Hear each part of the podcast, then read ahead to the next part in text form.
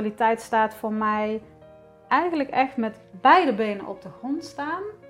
En ja, je emotionele, ik zeg wel shit aankijken.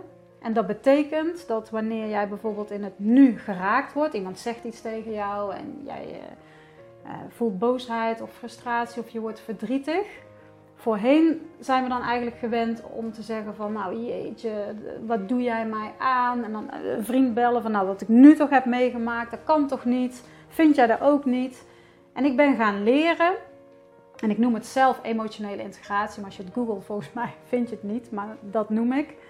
Uh, ik ben gaan onderzoeken van oké, die ander spiegelt mij.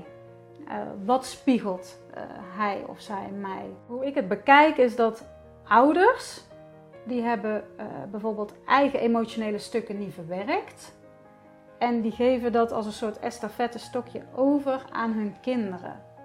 Gewoon onbewust. Je kijkt eigenlijk continu in de spiegel.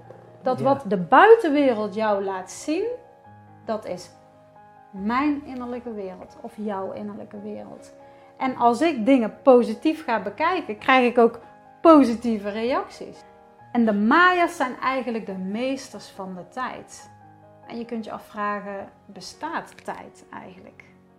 Er is alleen maar het nu, toch? Mhm. En wij denken heel vaak in lineaire tijd, een beetje rechtlijnig. De Maya's wisten al dat een tijd cyclus is. Dus het begint en eindigt en begint weer. Wij hebben ook een negatieve associatie met tijd. Want hoe vaak wordt er niet gezegd: tijd, nee, tijd kost geld. Of nee, ik heb geen tijd, veel te druk. Dat hoor je toch continu. Ja, omdat wij niet leven volgens de natuurlijke tijd.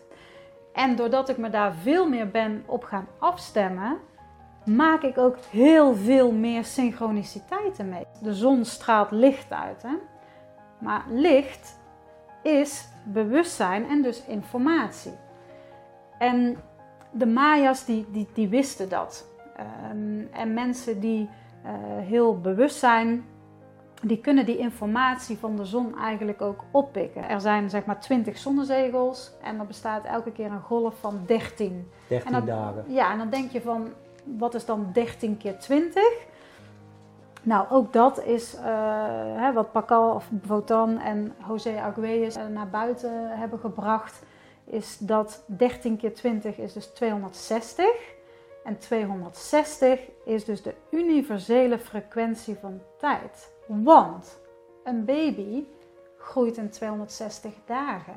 Nou, en het mooie is dat in diezelfde week hè, dat ik die man tegenkom met camper 441 kom ik op een gegeven moment daar in, in, Glastonbury, echt zo'n hippie stadje, waar ook een bron uh, van water doorloopt. Zit daar zo'n heel klein Australisch vrouwtje met haar voeten in het water. Die kijkt me aan en die zegt: Ik heb iets voor jou. En toen komt ze aan met nog uh, dvd's. Het laatste werk van José Arguelles.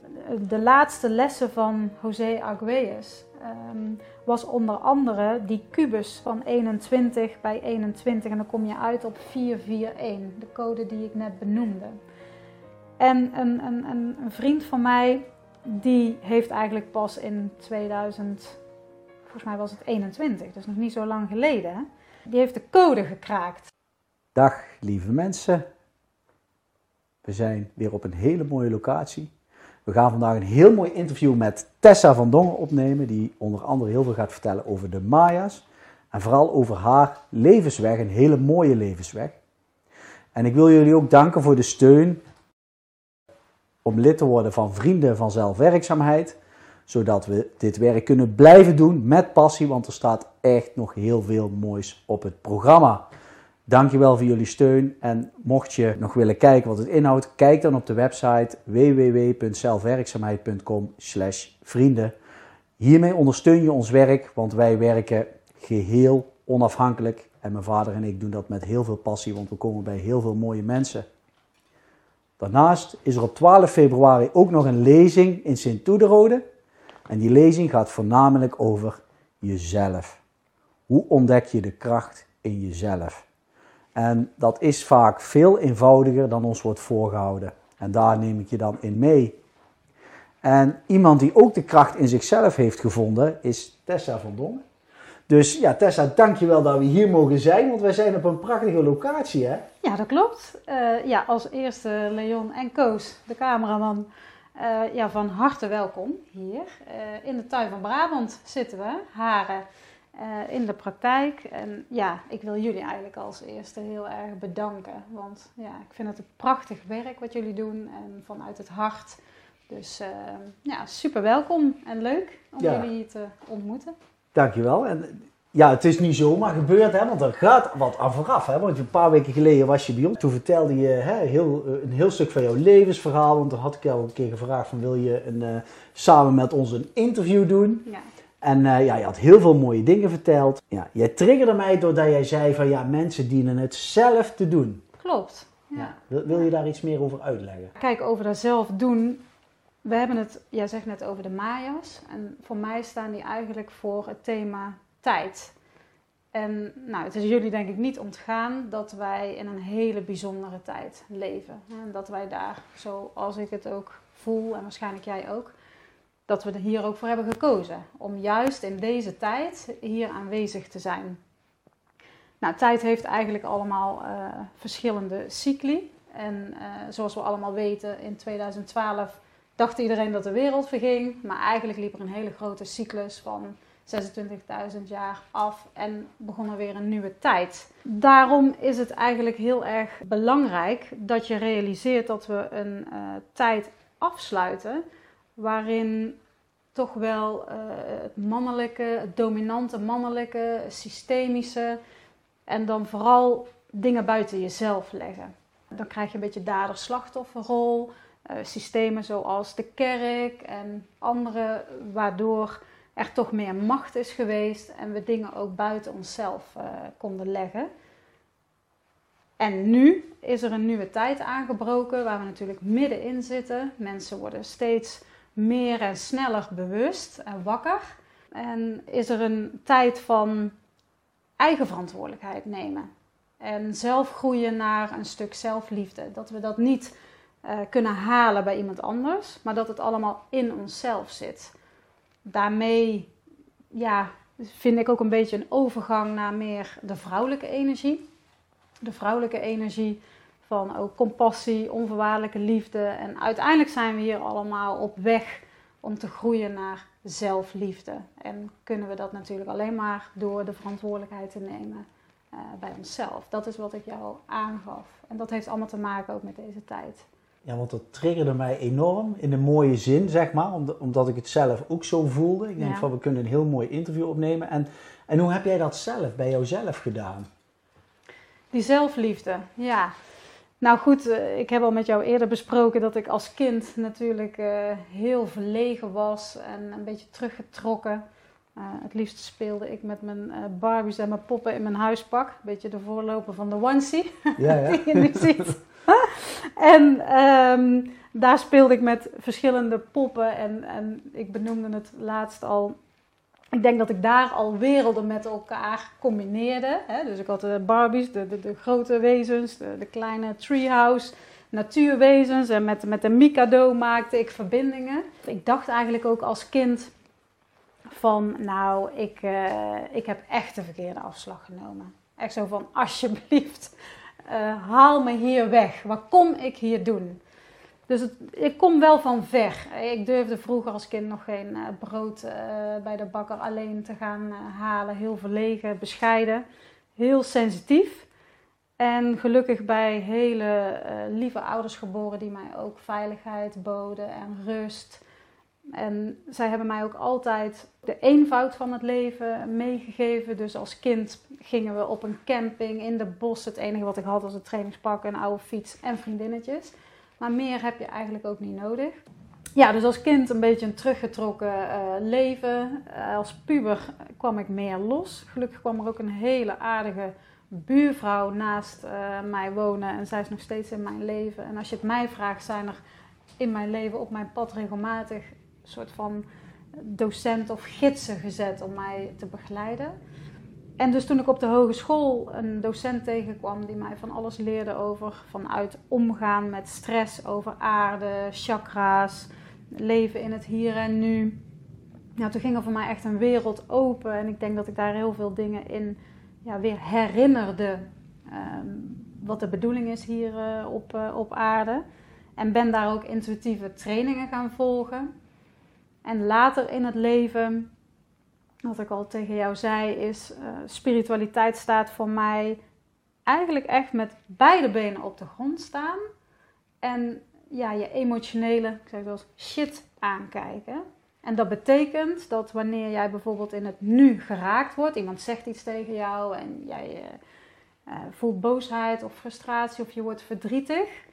Voorheen zijn we dan eigenlijk gewend om te zeggen van nou jeetje, wat doe jij mij aan? En dan een vriend bellen van nou wat ik nu toch heb meegemaakt, dat kan toch niet? Vind jij dat ook niet? En ik ben gaan leren, en ik noem het zelf emotionele integratie, maar als je het googelt volgens mij vind je het niet, maar dat noem ik. Uh, ik ben gaan onderzoeken van oké, die ander spiegelt mij. Uh, wat spiegelt hij of zij mij? En vaak merk je dat achter een emotie van boosheid of frustratie heeft het dus altijd te maken met pijn uit het verleden. Het is nooit van het nu. Alleen we ervaren het in het moment. En achter die boosheid of verdriet komen allerlei overtuigingen. Uh, bijvoorbeeld je niet goed genoeg voelen, in de steek gelaten voelen, niet serieus, niet gehoord, niet gezien, niet begrepen. En dat is eigenlijk nog onverwerkte pijn, omdat je als kind uh, kon je nog, ja, toen je jong was, nog niet alles begrijpen.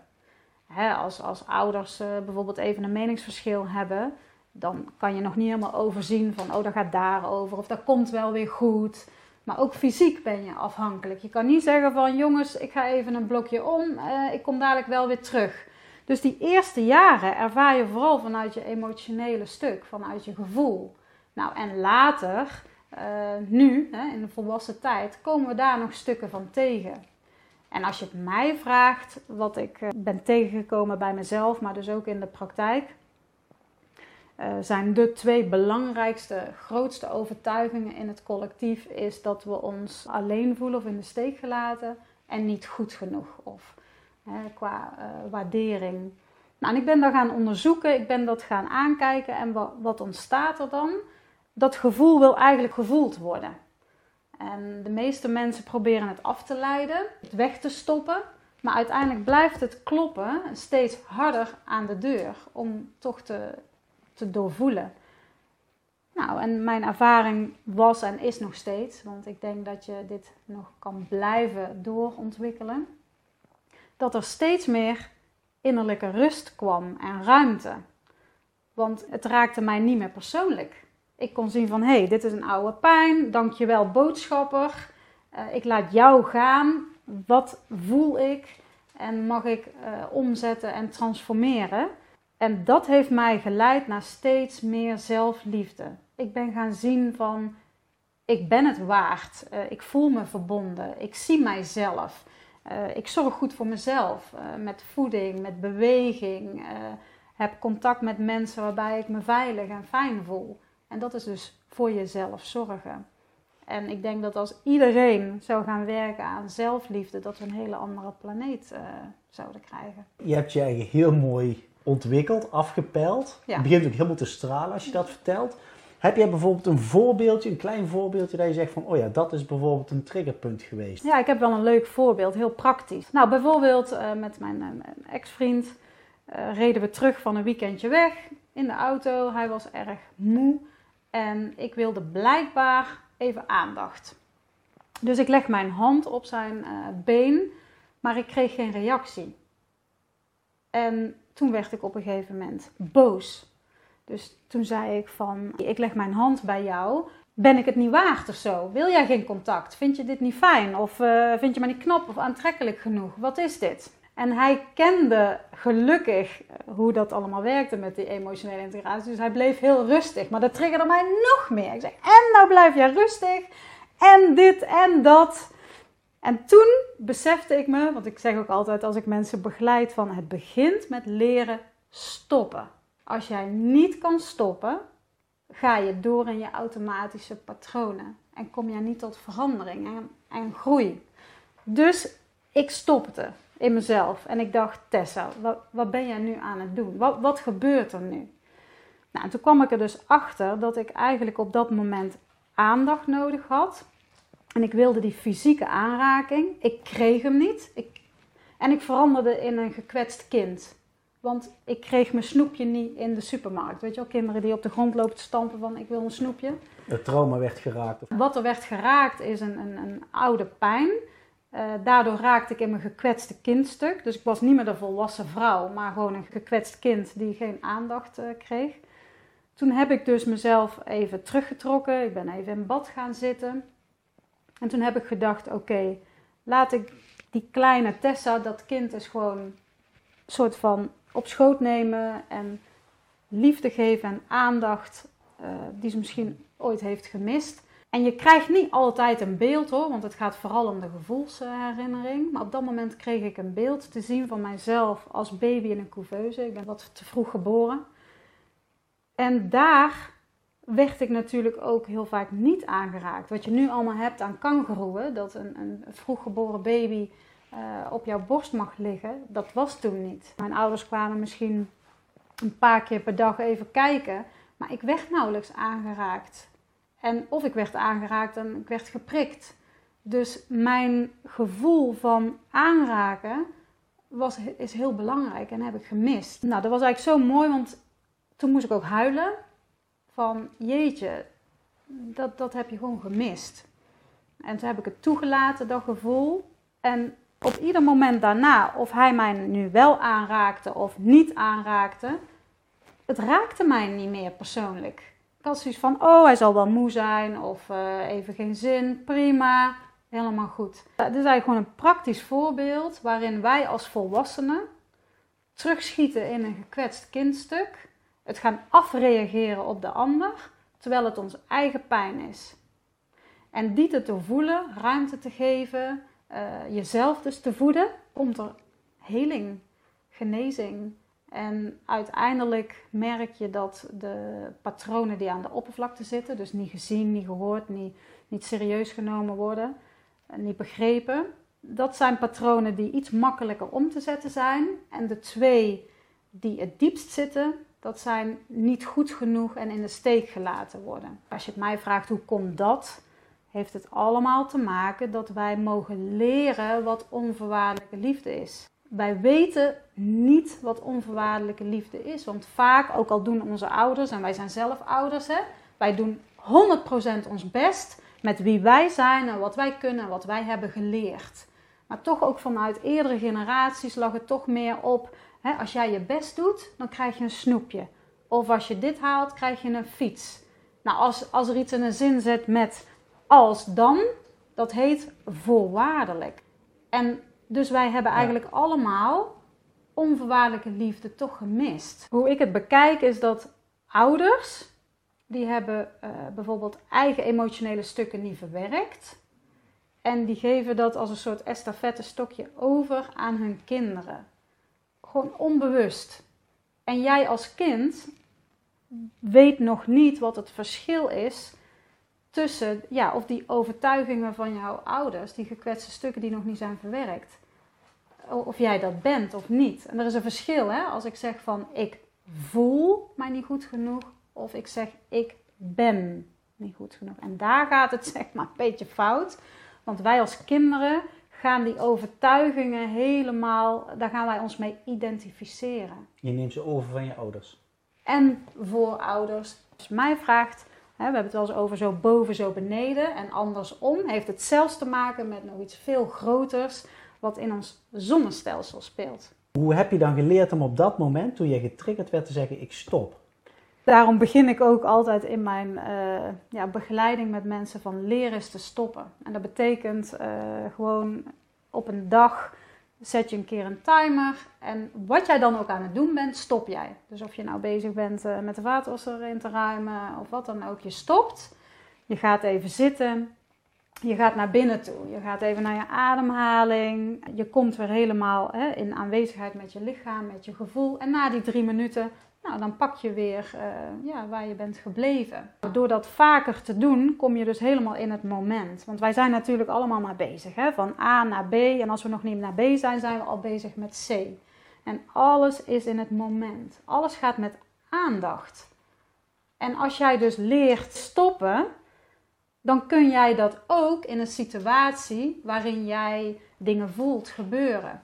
Ik heb nog een heel leuk voorbeeld overigens over ehm, die overtuigingen uh, met uh, niet goed genoeg bijvoorbeeld. Want er zit ook, zoals een, een, een munt twee kanten heeft. Kijk, wij hebben het gevoel van we zijn niet goed genoeg. Onbewust zenden we dat als kind of jonger ook uit. En trekken we ook mensen en situaties aan die ons weer bevestigen jij bent niet goed genoeg. Die intentie zetten we uit, ja. Ja, totdat wij beseffen, wij zijn dat niet. Wij hebben gevoelens en gedachten en een lichaam, maar we zijn het niet. Wij, wij dienen ons daarvan te disidentificeren.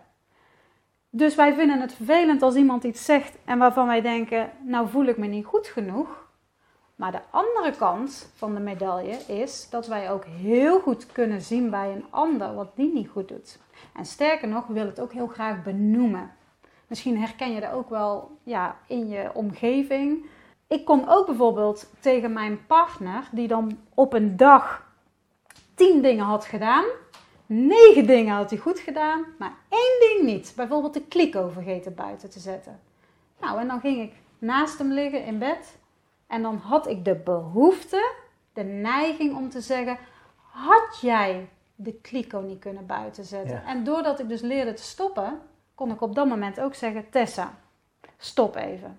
Wat jij nu gaat zeggen, is dat aardig, vriendelijk? Nee. Gaat dat de sfeer ten positieve uh, omzetten? Nee. En heeft hij dingen gedaan die wel goed zijn? Ja, dit, dit, dit en dit. Waarom zeg je dan het negatieve? Zeg iets positiefs. Dus ik eindigde dan de dag met iets positiefs en we gingen met een glimlach slapen.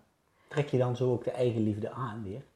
Ja, want je gaat dan, je gaat eigenlijk je eigen patronen herkennen, je eigen triggers, je eigen pijnstukken. En die ga jij omzetten door ander gedrag. We hebben het wel eens over de kracht van gedachten ja, dat, dat heeft mij zoveel geholpen. Jij noemde in een andere lezing ook uh, het water van Emoto. Dat was voor mij ook een hele belangrijke eye-opener. Van wat zeggen we de hele dag tegen onszelf?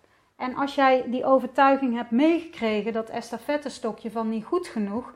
Ja, ik kon vroeger ook continu tegen mezelf zeggen: uh, je, je, kan dit niet goed, je bent niet mooi. Uh, totdat ik op een gegeven moment besefte van wat zeg ik tegen mezelf. En toen ben ik het gaan omdraaien en gaan oefenen. Van je bent het waard, je bent mooi, je bent goed hierin. Kijk eens naar je talenten. Je kijkt eigenlijk continu in een spiegel.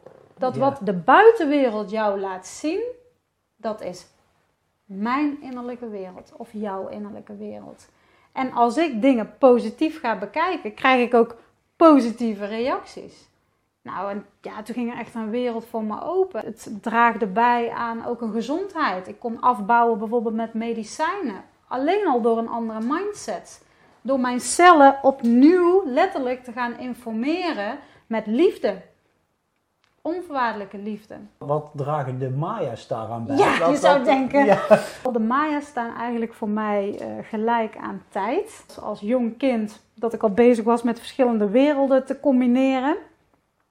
En altijd al geïnteresseerd ook in UFO's en uh, andere werkelijkheden. En de Maya's zijn eigenlijk de meesters van de tijd. En je kunt je afvragen, bestaat tijd eigenlijk? Er is alleen maar het nu, toch? Mm En wij denken heel vaak in lineaire tijd. Een beetje rechtlijnig. De Maya's wisten al dat een tijd cyclus is. Dus het begint en eindigt en begint weer. En zo zijn er eigenlijk heel veel ja, verschillende cycli van tijd. Bijvoorbeeld dag en nacht hè, kennen wij. Uh, we kennen de seizoenen. Het is nu winter, hè, straks wordt het lente. Dat is ook een cyclus van tijd. Maar zo kun je nog meer uitzoomen. En dan zie je dat er nog meer cycli van tijd zijn, zoals toen in 2012 een grote cyclus van tijd van 26.000 jaar afsloot. En de Maya's die wisten dit. Nou, dat is toch wel heel bijzonder eigenlijk, hè? dat je uh, daar zo mee thuis bent. Wat ik daar nou zo belangrijk aan vind is, we hebben het over bewustwording en we hebben het over zelfliefde. En nou, jij weet ook, hè, er zijn eigenlijk maar twee frequenties. Dat is of je kiest voor liefde, hè, positiviteit en dankbaarheid, of je kiest voor angst en negativiteit. Wanneer we in angst gaan zitten, kunnen we makkelijker worden beïnvloed. Wanneer we in liefde zitten, hè, kunnen we eigenlijk veel meer eh, ja, gaan manifesteren wat wij, eh, eigenlijk onze eigen visie neerzetten. Ik ben van mening dat ja, heel veel mensen zich niet realiseren dat onze huidige Gregoriaanse kalender. En met de Gregoriaanse kalender bedoel je de huidige kalender? Dat is de, onze huidige kalender, die, en dit is een belangrijke uh, code, die, vier, die dit jaar 441 jaar, dus 441, geleden is ingevoerd door Paus Gregorius. Die heeft gedaan, weet je wat, we gaan deze tijd invoeren. Alles in de natuur is harmonisch, alles uh, groeit, alles is vol geometrie, hè, harmonie. En onze huidige kalender, de ene maand hebben we 31 dagen, dan 28 of 29, dan weer 31. Hier uh, hè, hebben we twee keer 31 achter elkaar. Uh, de maand september is de negende maand, maar sept is eigenlijk 7. Dus echt harmonisch is onze kalender niet. En oct is 8 van oktober op 12. Ja, nou, dus dat klopt ook niet. Nou, en dan zie je dus eigenlijk, wij hebben ook een negatieve associatie met tijd. Want hoe vaak wordt er niet gezegd, tijd, nee, tijd kost geld. Of nee, ik heb geen tijd, veel te druk. Dat hoor je toch continu. Ja, omdat wij niet leven volgens de natuurlijke tijd. Want dan ga je natuurlijk misschien vragen, wat is dan de natuurlijke tijd? Nou, die heb ik hiernaast gezet. ja. De natuurlijke tijd is, dan ga je meer kijken naar de stand van de planeten en ons hele universum. Want wij zijn daar een onderdeel van. De natuurlijke tijd is uh, bijvoorbeeld dat de maan in één jaar een omloop heeft van 13 keer om de aarde.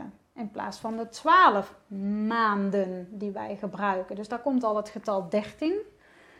En 28 heeft ook weer te maken met de vrouwelijke cyclus van 28 dagen, hè, die vastzit met de maan.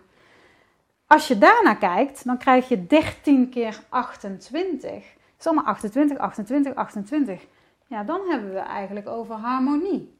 Alleen 13 uh, eh, keer 28 is 364 en we hebben 365 dagen. Maar daar hadden de Maya's iets heel moois op bedacht. Die bedachten van dat wordt dan de dag buiten de tijd. Een dag om terug te blikken op het, verleden, het vorige jaar en weer vooruit te kijken op het nieuwe jaar en dat te vieren met kunst en cultuur en verbinden. En ja, dat is denk ik ook wel een belangrijke boodschap van mij van joh, we zijn afgeraakt van de natuurlijke tijd, dus ook onze eigen natuur. En dan wordt tijd synchroniciteit. Dan loopt alles op het juiste moment, op de juiste plek, met de juiste mensen. En dat is voor mij tijd. Het schildpad heeft ook de tijd op zijn rug. Dit geeft heel mooi weer een, een voorbeeld vanuit de natuur. Dat op het schild van een schildpad is eigenlijk te zien die 28, die loopt hier omheen met de 13 uh, eh, vlakken op zijn schild als kern. En vandaag, mag ik denk wel aangeven, filmen we op vrijdag de 13e. Ja, ja, ja. En dat is toch altijd gezien als ongeluksgetal? Ze hebben eigenlijk eh, het getal 13, maar ook het hele vrouwelijke hebben ze eigenlijk weggewerkt uit de natuur. En ja, dus overal in de natuur komen ook deze codes voor. Maar goed, uh, wij mensen uh, hebben kennelijk een hele andere kalender die zo disharmonisch is als ik weet niet wat. En sinds jij leeft al jaren volgens de andere kalender? Ja, ik denk dat ik in 2000, ja, 2007 geloof ik ben ik daarmee in aanraking gekomen op een dag buiten de tijd. Ja, ja. En daar heb ik een lezing gevolgd over de natuurlijke tijdkalender, ook over de Tzolkin. Ik zal er nog even over vertellen wat daar het verschil van is, maar vooral de natuurlijke tijd. En doordat ik me daar veel meer ben op gaan afstemmen, maak ik ook heel veel meer synchroniciteiten mee. Weet je, vroeger was ik echt zo'n controleur, ik wilde alles vooruit plannen. En vanaf dat moment kon ik alles loslaten en liet ik eigenlijk de stroom van het leven toe en hoefde ik maar te volgen en het bracht mij op de meest fantastische plekken. En zulke mooie synchroniciteiten, ja, dat, dat is echt gewoon fantastisch. Want waar versta je onder synchroniciteit? Synchroniciteit is dus voor mij uh, uitgelegd van alles gebeurt op het juiste moment, op de juiste plek, met de juiste mensen, om jou eigenlijk weer verder te laten groeien op jouw levenspad. Nou, een mooi praktisch voorbeeld. Ik zou, uh, ja, zo natuurlijk veel langer geleden, met een vriendin naar een soort spirituele markt uh, gaan in de buurt. En uh, die ochtend was ik nog in een winkel. En daar zag ik een spiegelbeeld lachen, ook een, een spiritueel magazine. Was ook helemaal niet van die maand. Maar iets in mij zei van, neem dat toch maar mee. Dus ik had het meegenomen. Ik kom thuis aan. We zouden die middag dan naar die markt gaan. En die vriendin stond al voor de poort. Nou, serieus, zij komt altijd te laat. En nu was een uur te vroeg. Dus ik dacht, nou, ik zeg, wat doe jij nu al hier? Ik zeg maar, kom binnen. Zij gaat zitten. Ik zeg van, ik moet mij nog heel even opfrissen. Maar weet je wat? Uh, ik heb nog wel iets te lezen voor jou. Dus ik loop terug naar mijn auto, pak dat magazine. Zeg, hier, alsjeblieft, kun jij even lezen? Fris ik me op. Kom ik even later beneden en zij heeft dat magazine open en ze zegt: Kijk nou eens hier, wat een mooi artikel. En nou, loopt nog een leuke man ook. Dus ik kijk zo, ja, inderdaad, interessant. We doen het boek dicht en wij gaan op de fiets naar die markt. Komen we daar aan, staan we nog voor de keuze: gaan we eerst het marktje af, alle kraampjes, of doen we mee met een geleide meditatie die elk moment zou beginnen? Wij maken de keuze: we gaan naar die geleide meditatie. Wij gaan daar zitten wat denk jij, Leon, wie er naast ons komt zitten? Eén keer raden. Walter misschien? Of? Nee, die man. Oh, die man. Ja, Uit dat boek. Oh, oh uit, ja, ja, ja. ja. Dus ik zeg tegen haar van, kijk eens naar rechts. En zij kijkt en zij denkt echt, nou dat kan toch niet? Ik zeg, nou daar moeten we dadelijk even iets mee. Ja, zegt ze, maar hij heeft een vriendin bij. En ik zeg, ja luister, maar ik wil er verder niks van. Maar dit is toch geen toeval meer? Dus ik spreek hem aan. Nou, leg het verhaal uit. Hij zegt: Dat is bijzonder. Vanochtend lag ik in het gras op mijn rug. En ik had de gedachte uitgezonden: Ik wil graag vandaag uh, iets ontvangen wat ik nog niet weet of waar ik mee bezig ben, waardoor ik verder kan groeien. Ik zeg: Oh ja, bijzonder. Ik zeg: Dat is dus het moment geweest dat ik het magazine had gepakt. En toen zei ik van, goh, maar wist jij dat er binnenkort, dat was toen in 2012, een Venus-Mars-transit uh, eraan zit te komen. En staat ook voor mannelijk en vrouwelijk. Als één geheel. En toen zei hij, nou, zei hij, ik ben daar zo mee bezig met dat thema. En ik wist het niet van die Venus-Mars-transit. Dank je wel voor de informatie. Ja. En dat was het. Ik had zijn gedachten opgepikt heb daarna gehandeld en we hebben informatie kunnen uitwisselen. En dat is voor mij synchroniciteit. En zo heb ik heel veel voorbeelden, maar dit is wel één, als je dat gaat bekijken, wat is de kans dat je dat meemaakt? Dat is heel klein. Maar ik heb ook een synchroniciteit nu. Ja? Jij noemt het blad Spiegelbeeld. Ja? Vanavond komt het interview met Elisabeth live. Ja, als mensen dit kijken is het te lang live. Maar zij heeft het blad Spiegelbeeld ook in beeld gebracht. Dus oh, en zij schrijft voor dat blad. Eh, dingen gebeuren niet zomaar. Jij noemde net de naam Walter. Dat is mijn huidige vriend. Waar ik heel blij uh, mee ben. Maar ook dat is uh, een hele synchroniciteit geweest. En misschien wel leuk om daarop in te haken vanuit de, de Maya's en de kalender.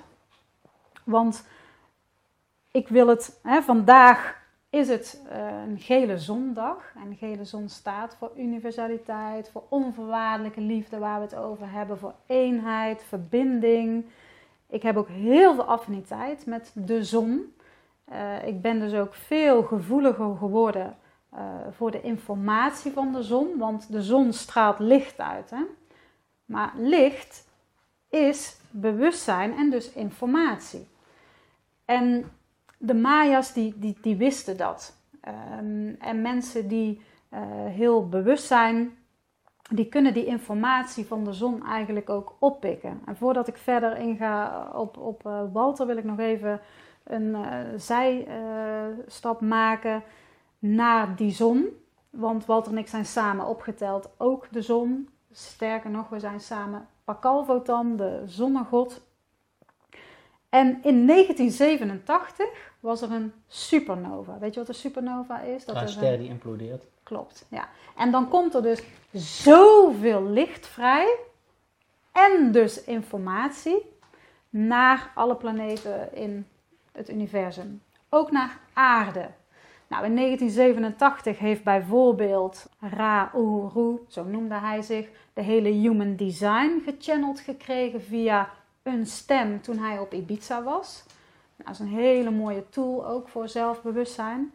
Maar bijvoorbeeld José Arguelles, uh, een zeer bijzondere man die, ja, als je het mij vraagt, de reïncarnatie van Pakal Votan was. De Maya-koning destijds. Pakal Votan uh, was de Maya-koning. Dat was de Maya-koning in uh, Mexico. En in 1987 heeft hij voor de eerste keer een wereldwijde meditatie georganiseerd. Dus moet je je voorstellen, voor de eerste keer waren er zoveel mensen wereldwijd samen aan het mediteren, samen iets aan het uitzenden. Dat heeft zoveel gedaan in een groei. Ik voel nou de energiestroom. Ja? Dat is heel bijzonder. Wat voel je dan? Ja, door mijn kruin zeg maar. voel ik het. Helemaal stromen. Ja, ja. ja. ja dat is echt een heel belangrijk markeerpunt van uh, groei naar bewustzijn. Wanneer we ons met elkaar verbinden. De 87, ik wil zeggen, hè, voor mensen, computers was net een opmars, internet was er nog niet. Was er nog niet? Nee, nee, nee, nee. José Arguelles was echt naast dat hij dan natuurlijk de, ja, van mij, zoals ik het zie, de incarnatie was van Pakal Votan. Ook een visionair. Uh, hij heeft dus die kennis van dat tijd, synchroniciteit is de vierde dimensie, heeft hij willen uitdragen. Hij ging voor een kalenderverandering, want dat zou natuurlijk het allermooiste zijn. Uh, hij heeft heel veel boeken geschreven. Ja, als je het hebt over dat de Maya's tijdreizigers uh, uh, waren of zijn. Nou, dan was hij dat zeker. Ook uit de toekomst komend. Met zoveel wijsheid. Dus die supernova, dat licht, heeft ons zoveel gebracht. Die supernova's waren die eigenlijk meer om de aarde ook mee te transformeren, om meer energie hier naartoe te brengen? Ja, het is allemaal van invloed op elkaar. Soms zitten we zo in onze 3D-wereld, in het aardse, dat we niet beseffen dat wat er gebeurt in ons hele eh, zonnestelsel of in het hele universum, dat dat invloed heeft op ons. Pakal Votans laatste lessen waren, ja, ze noemen dat de synchronotron teachings. En daarbij kreeg hij binnen de boodschap dat 441, 441, dat zou de telepathische frequentiecode zijn. Dat is de code als jij je verbindt vanuit je hart en jij plaatst die code 441 in het midden van je hoofd, de hoogte van je pijnappelklier, en je stemt je af op onze zon. Ja, dan ben jij eigenlijk een soort galactische antenne en kan jij alles uit het hele universum via alle andere zonnen tot je nemen.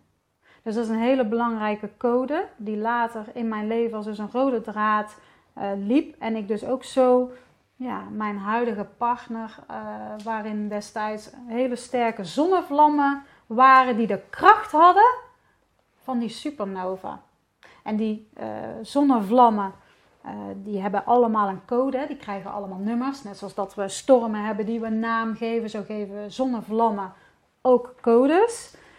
En die code destijds, waar ik heel veel, ja, ik reageerde heel erg op die zonnevlammen door ook wel wat duizeligheid. En op het begin vond ik toch een beetje akelig, totdat ik besefte dat het zoveel licht uh, was wat door mij heen stroomde. Updates. Updates.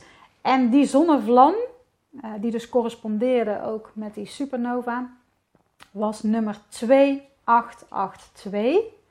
En toen ik dus mijn huidige partner ontmoette en ik hem eigenlijk het eerste berichtje stuurde, zag ik dat en hij en ik voor het laatst op de telefoon hadden gekeken om 1441.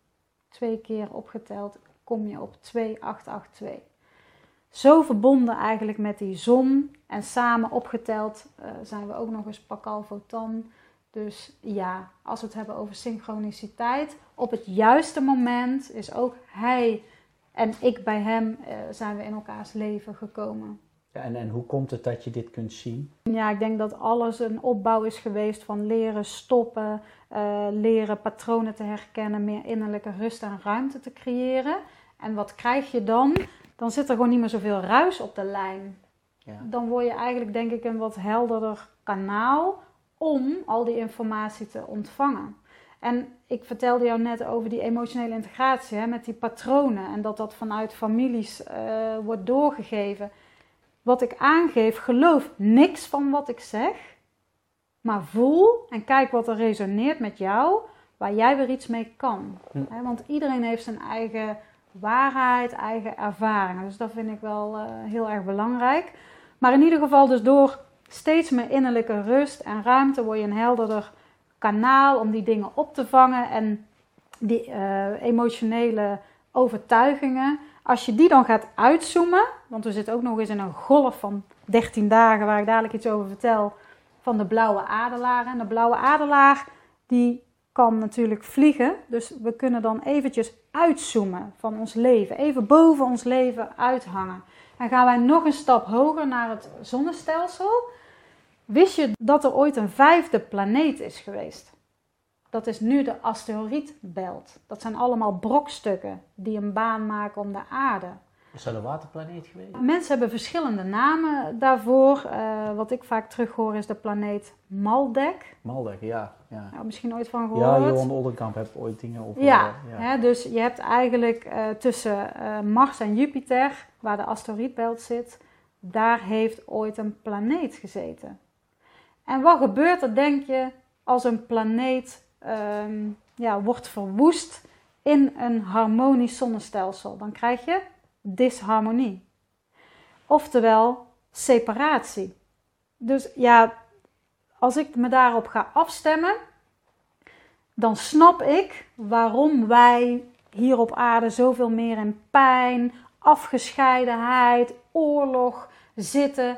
Het is niet alleen een, een patroon wat we hebben doorgekregen van onze voorouders. Nee, dit is wel iets vanuit het hele universum, wat, wat andere universen ook hebben meegemaakt. En die Maya's, die wisten dat. Het is een stuk verloren tijd. Uh, we mogen daar weer meer in contact mee komen.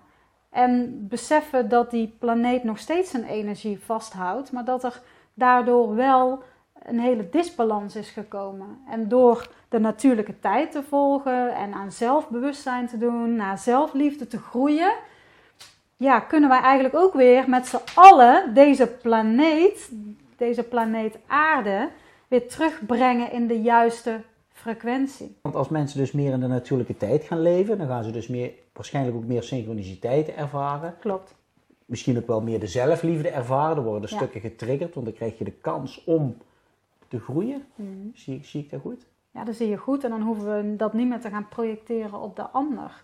En ja, als we allemaal groeien naar zelfliefde, zullen we elkaar veel meer met respect benaderen. En vanuit verbinding. Hè? Minder vanuit het hoofd, het verstand, het ego, maar meer aanwezig van binnenuit. Het vraagt denk ik wel moed. Als ik ook naar mezelf wel kijk, kan ik ook best wel zeggen dat ik het een en ander heb meegemaakt en ervaren. En toch elke keer gezien als wat is hier de les van? Wat kan ik hier als positieve les uithalen ja, om verder te groeien? En als iedereen dat nu eens zou doen en, en meer contact in de natuur. Want ik bedoel, ik heb een keer gezien dat jij het ook had over energie en over de boviewaarde. Nou, een bos heeft een hele hoge energiewaarde. Vandaar dat het ideaal is om in een bos uh, heerlijk te wandelen of te zijn, om te ontladen en weer op te laden. Dus we mogen ons weer meer verbinden met de natuur, waardoor we meer verbonden raken met onze innerlijke natuur. En dus eigenlijk uh, ja, onze aarde helpen uh, om weer meer in balans te komen. Maar het komt dus allemaal vanuit een veel groter perspectief. En als je dat kan zien, ja, dan wordt het leven toch ook steeds mooier. Zeker, want je kunt nog meer over de Maya vertellen, Ja, toch? ja, we hadden het net over de natuurlijke tijdkalender die we eigenlijk zouden moeten hanteren als je het mij vraagt. De Maya's eh, hadden natuurlijk vele kalenders. Maar waar ik vooral dus in geïnteresseerd eh, ben, is in de, ik noem het de galactische kalender. Wordt ook wel eens het Solking genoemd. Ik heb hem hier eh, op afbeelding. Ehm, het is eigenlijk op de eerste plaats een kalender. Hè? Dus eh, iedere dag heeft een bepaald vakje. Maar je kan ook bijvoorbeeld kijken van wanneer ben ik geboren. En het meest opvallende is dat het gaat om de code 13 keer 20. Hè, er zijn zeg maar 20 zonnezegels en er bestaat elke keer een golf van 13. 13 En dat- dagen. Ja, en dan denk je van, wat is dan 13 keer 20? Nou, ook dat is eh, hè, wat Pascal of Votan en José Arguelles eh, naar buiten hebben gebracht. Is dat 13 keer 20 is dus 260. En 260 is dus de universele frequentie van tijd. Want een baby groeit in 260 dagen. En een zon die helemaal een, een grote cyclus maakt eh, om de centrale zon in het universum, om de Pleiade, duurt 26.000 jaar. 260 is een fractie van t- 26.000. We kunnen zeggen, oké, tijd bestaat niet, het is alleen maar het nu. Maar wanneer je, zoals jij ook weet van, oké, ik ben Tessa, maar ik ben eigenlijk energie. Hè? Ik heb een ziel die deze avatar eh, aanstuurt, eh, Ja, zeg maar. en alles is dus energie. Energie is frequentie. Frequenties zijn nummers en cijfers. Nou, ik snapte vroeger helemaal niks van wiskunde. Maar ik wist niet dat alles draait dus om codes. En dat deze kalender is dus een galactische kalender. Dit is iets wat eh, we met z'n allen in ons hele universum eh, zouden kunnen gaan volgen. En dan kom je dus nog meer in contact met die synchroniciteit. Nou, ik ben bijvoorbeeld een, eh, een gele ster, toon 10, op kin 88. Nou, dat betekent eigenlijk dat ehm, een ster staat voor ehm, lichtschijn hier op aarde. Dat ik een wegwijzer wil zijn voor anderen. Dat ik mijn licht straal hier op aarde. En ja, ik denk dat dat ook wel mijn missie is om bewustzijn te verspreiden, zowel individueel als collectief als ja, in, eh, in Ja. het hele universum. Je bent geboren in een golf van 13 dagen en dan staat er op één echt je levensthema. Voor mij is dat transformatie. Nou, dat heb ik ook wel meegemaakt. Dat betekent ook wel flinke stormen in je leven, maar de energiekracht om dat om te zetten. En het leuke is, op, eh, op 13 staat dan ook je levensdoel. Het zijn allemaal tools, hè? het is niet de absolute waarheid, je kunt het gebruiken. Maar staat voor mij de blauwe aap. Volgens mij is de blauwe aap jouw. eh, Ja, ja het Eh. levenskind in jezelf, het speelsheid. Het is mijn thema. ja, dat is jouw thema, levenspad, jouw ja. levenspad. En ja, weet je, ik, toen ik dat hoorde, dat, dat de blauwe aap staat voor inderdaad je innerlijke kind. Nou, niet voor niks dat ik zo eh, die, met die emotionele integratie ben bezig geweest om al onze gekwetste kindstukken te integreren. Dus dat is heel erg mooi. Dus dat sluit heel erg aan. Maar daarnaast staat het ook voor humor, eh, transparantie. En ik kon en kan nog wel eens het leven heel serieus nemen of heel serieus zijn. En dan denk ik weer, Tess, even niet zo serieus. Even Ja. lekker eh, een lolletje tussendoor. En heerlijk. Ik ben Vaar op de stroom mee. En niet- lekker mee, maak je niet druk. En eh, Je wordt komt allemaal gedragen. goed. En lekker los en, en lachen. En ja, dus dat is wel heel erg mooi. Het heeft mij heel veel gebracht aan eh, tools om eh, verder bewust te worden. Maar ook om me dus steeds meer af te stemmen op die energie vanuit eigenlijk het hele universum. Dus dit is iets ehm, ja, waar ik vooral in volg. En die 1328 zou meer een, ja, een natuurlijke tijdkalender kunnen zijn voor iedereen. En hier kun je je op afstemmen. En 1328 is die 13 Ja, dagen, die, of die een golf heeft, 13 dagen. En die 28 is die maand, zeg maar. Cyclus. die ja. cyclus, ja. ja. Ja, want de natuurlijke tijdkalender, hè, 13 keer 28, loopt één keer per 52 jaar samen met deze. Dus hij is zeker, ze zijn afgestemd op elkaar. En 52 komt weer van eh, de omwenteling van Sirius B om Sirius A. Dus Dat duurt 52 jaar. duurt 52 jaar. En 52 jaar, zover ik het weet, komt daar ook Abraham of Sarah vandaan. Dat je dan eh, spiritueel volwassen bent. Even Klopt. tussen aanhalingstekens. Ja, want eh, ik ben geboren dus op gele ster toon 10. En wanneer ik 52 word, is het weer gele ster toon 10. Ja, dus Oftewel, herhaalt het, dan begin weer een cyclus. Ja, en dan heb ik eigenlijk inderdaad, ben ik ja, misschien spiritueel en emotioneel volwassen. En begint er een nieuwe spiraal van tijd, een nieuwe 52 jaar zeg maar. Dan mag je de Eh, levenswijsheden delen, zeggen ze toch? Dus dan mag je... ja, dan mag mag je alles wat ik heb meegemaakt, geleerd, eh, ja, naar buiten brengen. En ik, om heel eerlijk te zijn, is dat denk ik ook wel eh, mijn missie. Dat alles wat ik hier ervaar, alles wat ik eh, meemaak, alle kennis die ik opdoe, eh, daar een beetje een eigen soep van maak. Waarom? Om andere mensen daarin verder te begeleiden. Ja. Nou, heel mooi. Ja, ik, ik, één dingetje schoot me nog te binnen. Ja? Want je had het over die 26.000 jaar. Maar als je het woord God pakt, Ja. dat is 26. Ja. Als dat optelt. Dus er Ja. komt ook weer de 26 terug. En de 260 dagen. En Klopt. Ja, als je het hebt over, de- eh, over God. eh, ik persoonlijk zie het niet als een, een man of een vrouw eh, die ons opwacht als we overgaan. Maar met respect voor iedereen die dat wel denkt natuurlijk. Voor mij voelt het meer als het hele universele veld. Wij zijn onderdeel van het universum, van de aarde. En ja, ik had het daar ook opgeschreven. José had het zo mooi geciteerd van alles is een nummer, cijfer. Dus eh, God is ook een cijfer. En dat betekent dus, ja, God is alles. Eh, alles is frequentie, alles zijn cijfers. En ja, die codes, die komen dan dus ook steeds op je pad. En die kunnen een leidraad zijn om daarin wat te volgen. En ja, wegwijzer. Een soort. een wegwijzer. Ja, bijvoorbeeld in 2011. eh, toen heb ik eh, voor de tweede keer deelgenomen aan een eh, groepsreis naar Engeland om krachtplekken te bezoeken, graancirkels. Nou, dan hebben we het ook over geometrie en dus cijfers en frequentie. Eh, dat, dat raakte mij heel erg. Maar wat mooi was, is dat we op een gegeven moment op een eh, parkeerplaats eh, stonden. Daar stond een eh, camper. En wat denk je? Met kenteken 441. Maar dat realiseerde ik me toen nog niet hoor. Maar er stapte een man uit en meteen dacht ik, maar jou moet ik spreken. En ik ben met hem eh, gaan praten en ik heb nog steeds heel goed contact met hem. Hebben enkele keren gezien. Op het begin dacht ik, nou is dit nou de allergrootste dorpsgek van Avebury? Of is dit de meest bijzondere man die ik ooit in mijn leven ga ontmoeten? En nou, het, het laatste Dat ligt is heel dicht bij elkaar, hè? Dat ligt heel dicht bij elkaar. Ja, ja, nou, ik ga even uit van het laatste.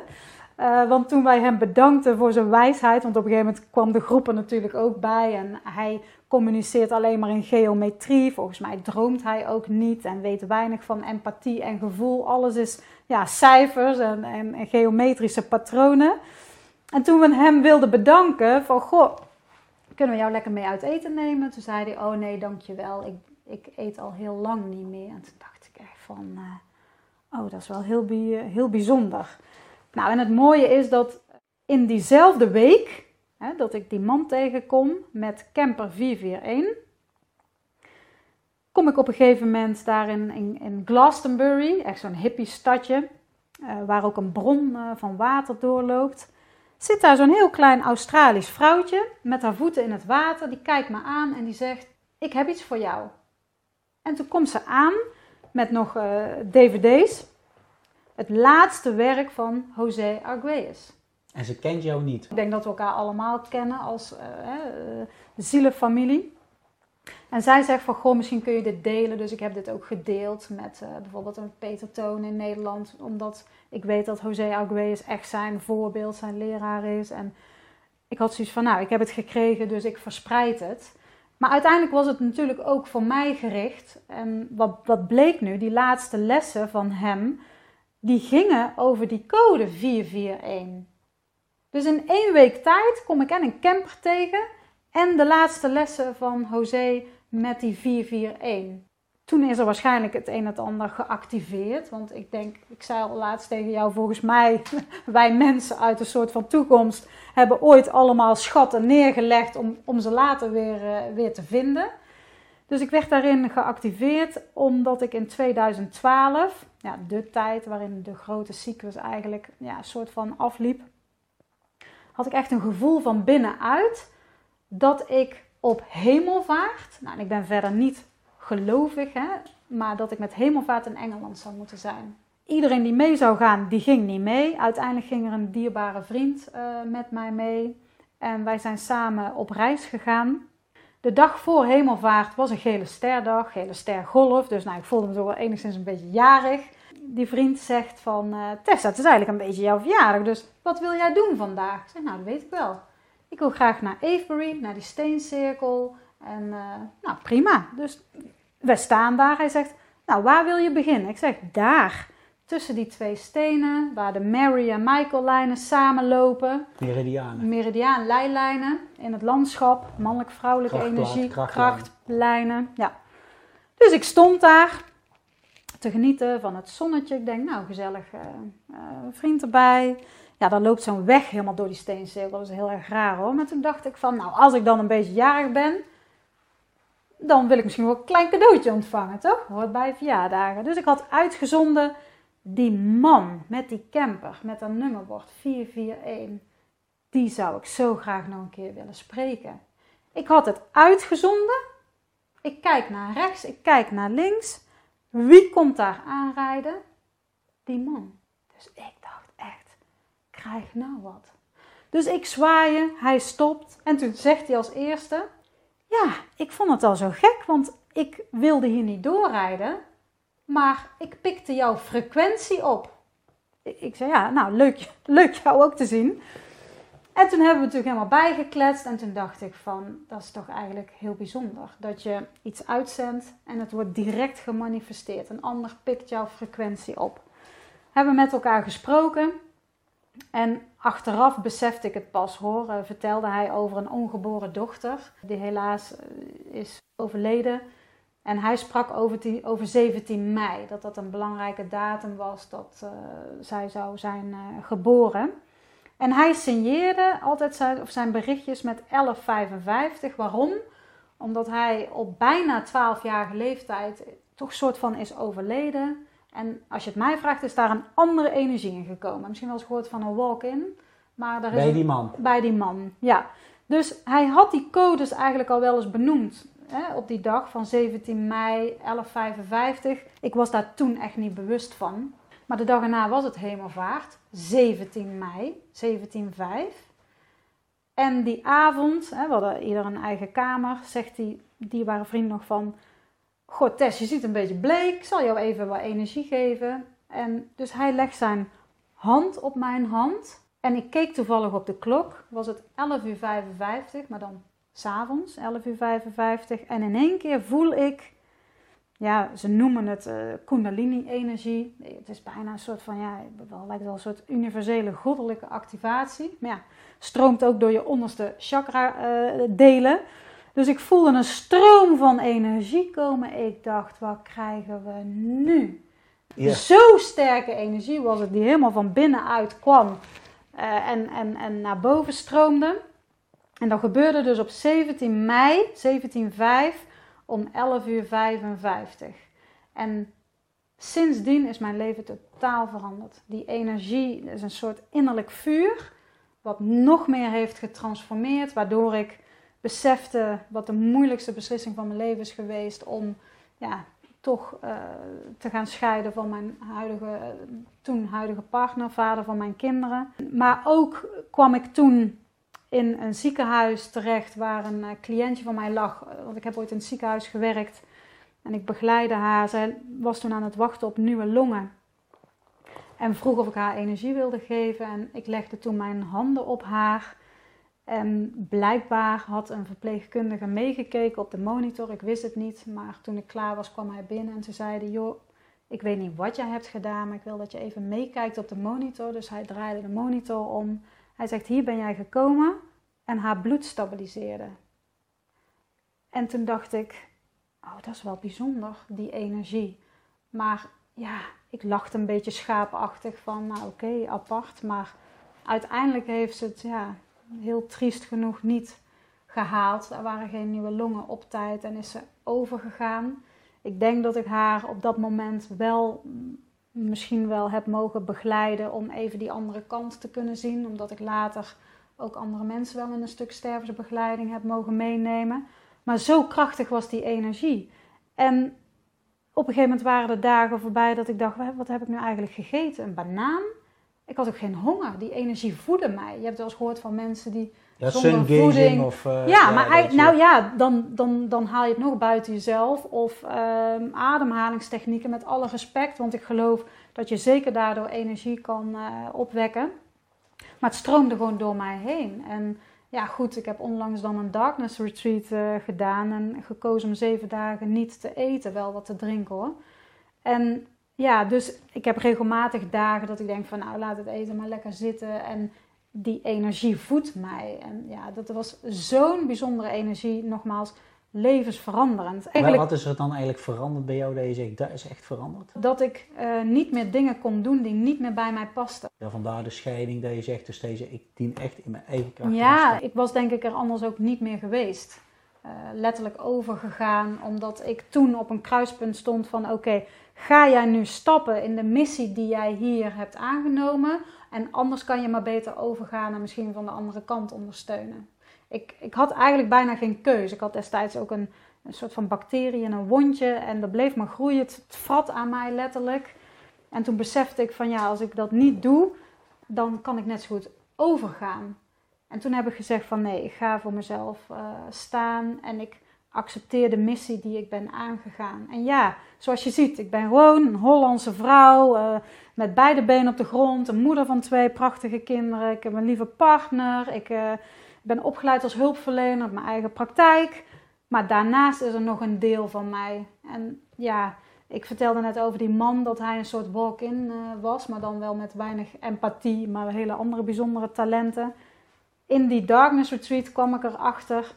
Bij die Darkness Retreat, wil je kort uitleggen wat je hebt gedaan, die zeven dagen in donker? Ik ben dus, eh, als je het hebt over de Maya's, natuurlijk ook het land van de Maya's gaan bezoeken in 2019. Stephanie South, dat is eigenlijk de laatste partner van José Arguelles. Zij waren ook echt een eenheid als je het hebt over mannelijke en vrouwelijke energie. Zij eh, belichaamt de Red Queen, dat is eigenlijk het graf wat naast Pakal Votan lag. Eh, en staat voor het vrouwelijke. Het is ook tombe nummer 13. Hè? Dus het is geen ongeluksgetal, maar juist de vrouwelijke energie. Ik ben daar geweest in Palenque. En toen kwam ik ook in Teotihuacan, waar je de piramides van de zon en de maan eh, hebt. En op een hele bijzondere manier, want blijkbaar is dat toch niet de bedoeling en komt er eigenlijk niemand onder die piramide van de zon. Ik ben, ja, ik mocht daar zijn met een aantal andere mensen. En daar heb ik het idee dat eh, iets heeft getriggerd, omdat ik daar ook in het donker was en heb gemediteerd. Wat heb je daar ervaren? Hoe ben je daar anders uitgekomen dat je, dat je de kijkers Ja. eens meeneemt? Ja, het is wel heel grappig, want eh, ik denk dus dat doordat ik onder de piramide van de zon ben geweest, heeft het allemaal eh, aangeraakt. Het is wel dubbel dubbel, de piramide van de zon, die gaat in Ja, zitten. ja, maar ik kwam dus in de ochtend boven op de piramide van de zon. En die staat eigenlijk ook voor, eh, als je kijkt naar een nieuw tijdperk, eh, ze noemen het wel eens het Aquarius-tijdperk. En anderen noemen, noemen het de zesde zon.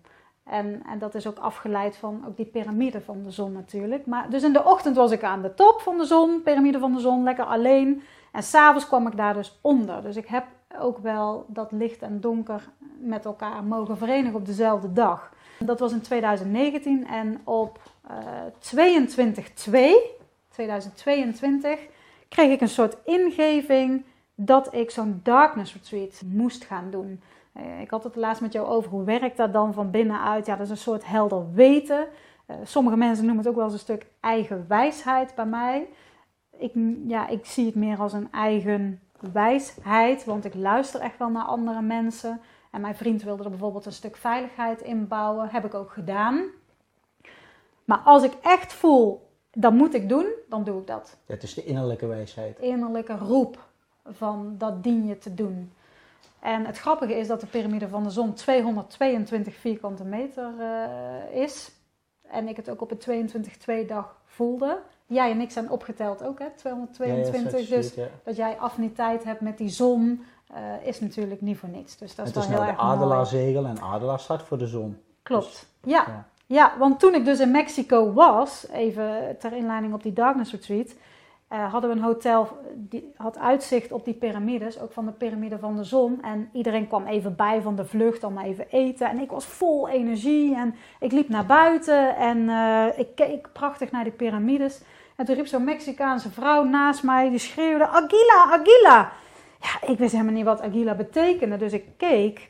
Zaten daar toch drie adelaars op de grond voor mij bij de piramide van de zon. Drie. Drie. Dat er één zit is al bijzonder. Twee is dat je denkt, nou al heel uitzonderlijk. En drie, was de, wat is de kans dat er drie adelaars voor je zitten? Drie eenheid. Ja. Dat en waarschijnlijk toch wel de roep naar die piramide van de zon. En ja, toen ik daaronder was geweest en die vrouw bedankt en die archeoloog die me hadden meegenomen, zij zei ook van ja, yes, but you have the energy. En toen dacht ik ook van, oh, Ja. oké, maar niemand komt daar blijkbaar onder. Ik zeg het nu, maar eigenlijk mag ik het ook niet eens zeggen of ik mocht ook geen foto's posten, want niemand anders mag daaronder. Dus dat is een soort, als je het mij vraagt, initiatie geweest of een activatie hè, eh, om daarna die darkness retreat te doen. En toen kwam ik erachter dat het voor mij heel belangrijk of goed zou zijn om eh, in het donker te gaan mediteren. En dat resulteerde in afgelopen november heb ik ervoor gekozen om zeven dagen in het donker, in de stilte, eh, zonder eten eh, te verblijven. Om mijn innerlijke wereld nog verder te eh, bezoeken en te onderzoeken. Dus echt het En, duister in. eh, echt het duister in, ja. Ik heb hem helemaal zelf georganiseerd, want ik zou hem eigenlijk hier in Nederland bij een vrouw doen die daarmee bezig was om het huisje af te bouwen.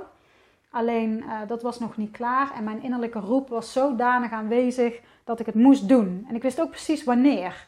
En toen begon toevallig ook de blauwe nachtweefspel. En dat is een golf. Dat is de enige zegel van de 20 zegels die de ogen dicht heeft. Dus naar binnen gericht is. Oh, welke is het? De blauwe oh, ja, nacht. oh ja, daar, ja, ja. Ja, deze bovenste. hè? Deze, ja. Ja. Die heeft de ogen dicht. Die heeft de ogen dicht.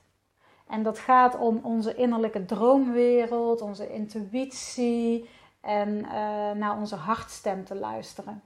Nou, dus ik had alle voorbereidingen getroffen. Er zou één keer per dag een goede vriendin mij wel bezoeken om eh, wat sap aan te voeren, te kijken of mijn pen niet op was, want ik heb ook eh, kunnen schrijven in het donker.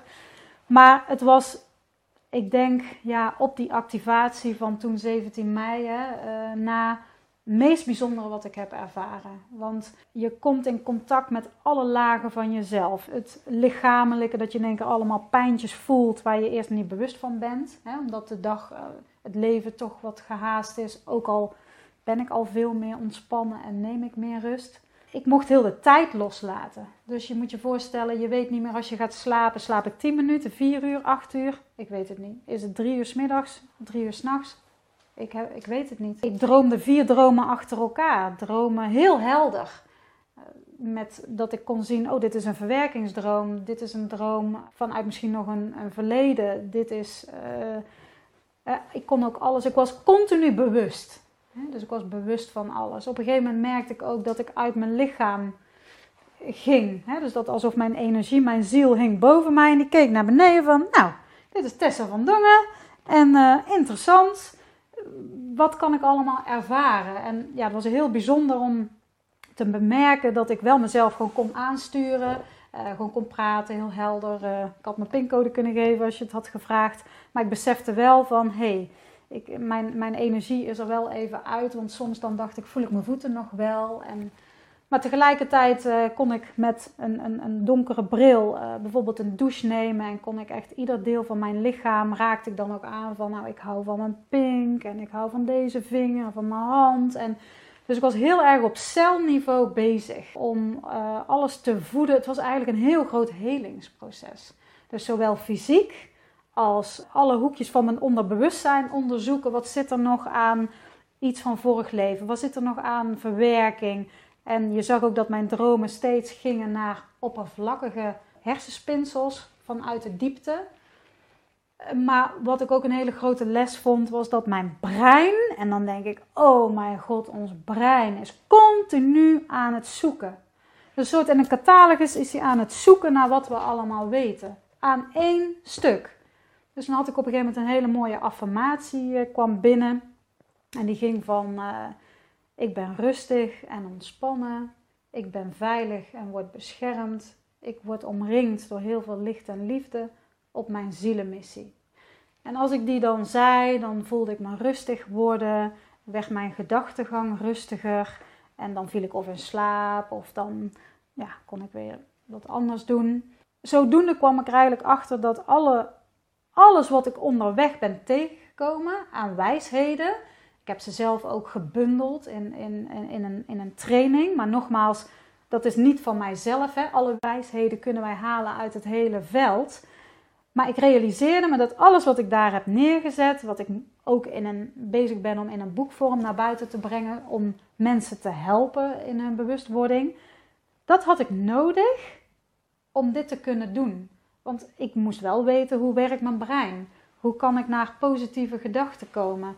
Uh, wat als ik een uittreding heb? Hoe hou ik contact met mijn lichaam en kom ik terug? Hoe aard ik? Wat als ik emotionele stukken tegenkom? Hoe kan ik die integreren? Hoe werkt dat energetisch? Het onderbewustzijn, de natuurlijke tijd, want je komt helemaal los van tijd. Angsten, alles kom je tegen. En toen dacht ik, oh ja, wauw, dat heb je wel nodig om niet binnen een dag gillend eh, naar buiten te rennen. Want wat jij zegt, blijkbaar zit er ook in het collectief een angst op donkerte.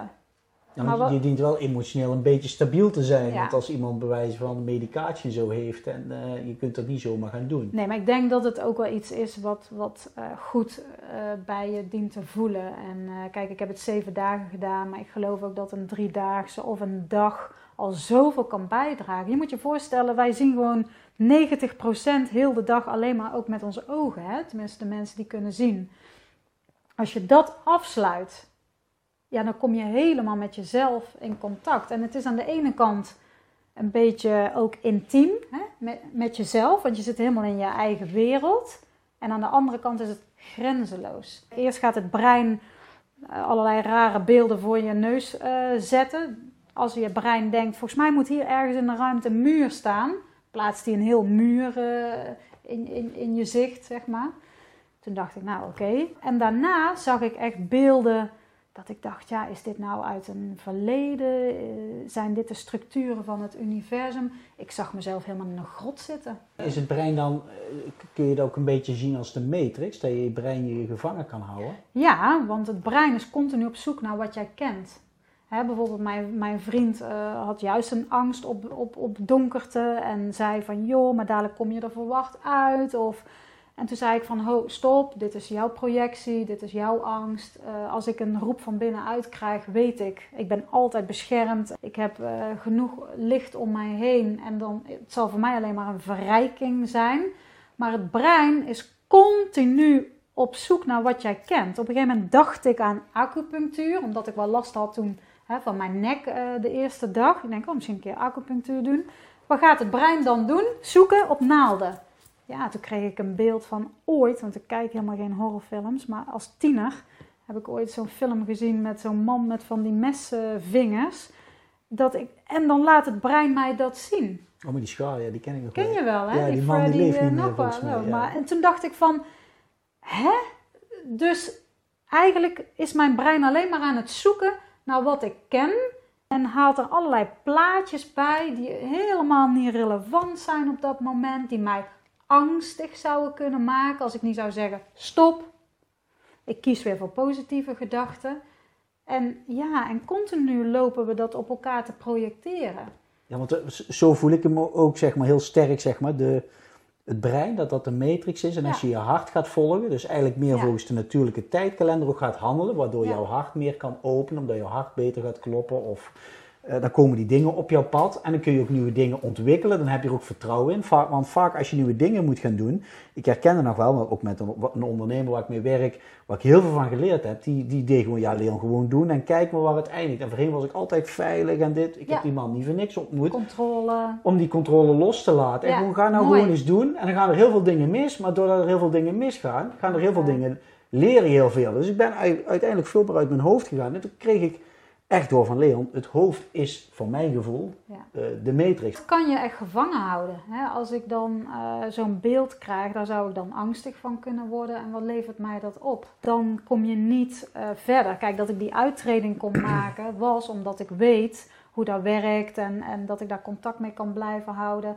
Maar anders zou iemand heel angstig kunnen zijn en denk ik voel mijn voeten niet meer. ik ga dood. Of wat is dit? Hè? Dat brein is continu maar aan het zoeken naar wat hij kent en aan projecteren.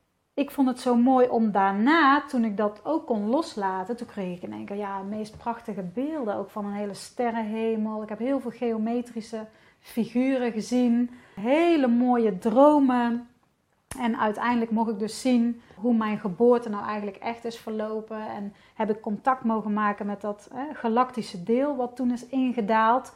Maar dus ook met de ziel die toen ruimte heeft gemaakt. En toen voelde ik die energie nog bij mij. En toen moest ik echt huilen, zo van ja, dankjewel. En nu snap ik ook veel beter dat ik me als kind dacht ik van jongens, kom je hier ophalen. Ik heb echt de verkeerde afslag genomen. Naar nu van oké, eh, ja, er zit dus een, een, een kosmisch deel in mij. Een, ja, de een noemt het hè, uit de toekomst. Ik hoorde het begrip uh, wingmaker. Ik heb zelf dus meer affiniteit met de Maya's en ik zie het dan meer als tijdreiziger. Nou, Maya, draai het eens om. Ja, I am. I am.